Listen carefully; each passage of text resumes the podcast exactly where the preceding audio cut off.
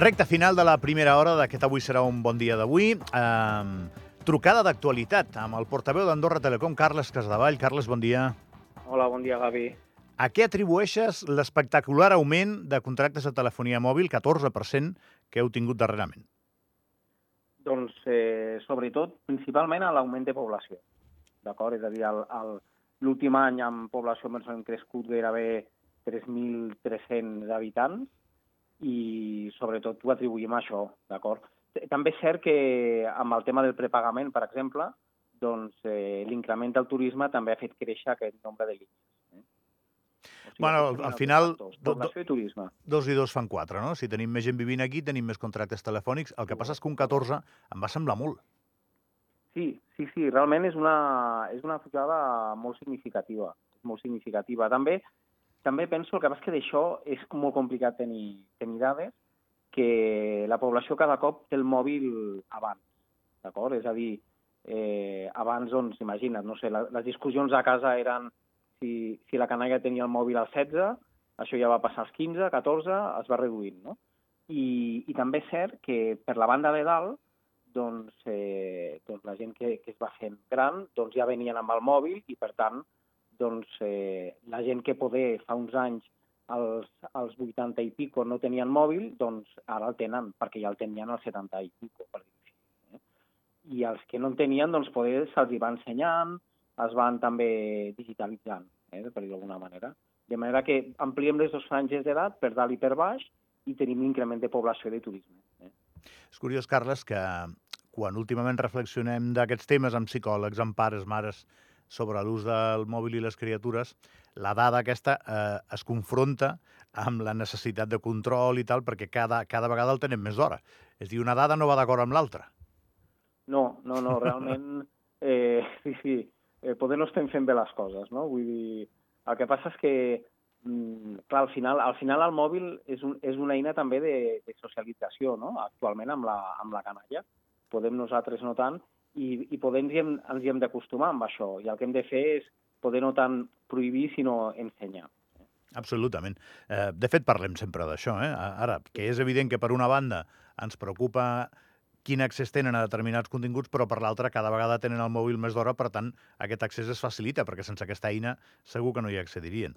Sigui com sigui, eh, ni tu ni jo ho resoldrem, això, Carles. No. Tu al final treballes a l'empresa que, que, que distribueix aquests serveis. Escolta'm, eh, L'altre dia va anar a Diari Andorra Televisió Jordi Nadal i va explicar al direct, el teu jefe, el director general d'Andorra Telecom, sí. que si arribem a un acord d'associació amb la Unió Europea, els eh, ingressos per roaming baixarien 10 milions d'euros.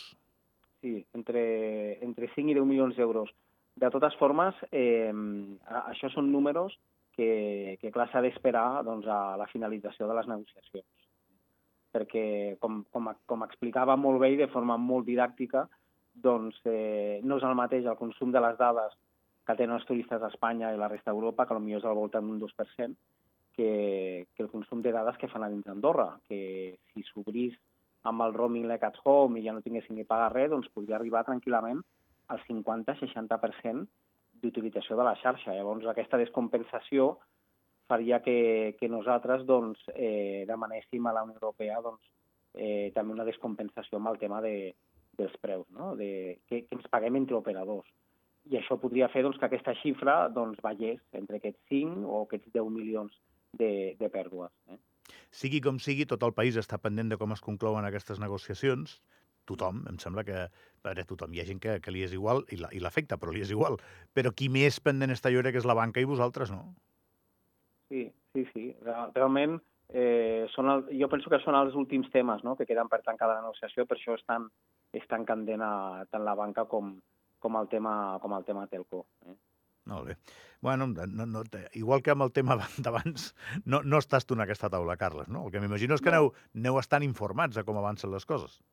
Sí, nosaltres intentem ajudar amb el que podem a, a l'equip negociador de, de, de govern. Eh? Però, bueno, eh, realment els que estan, els que estan a l'última i saben doncs, el detall de les últimes negociacions és negociador. Molt bé.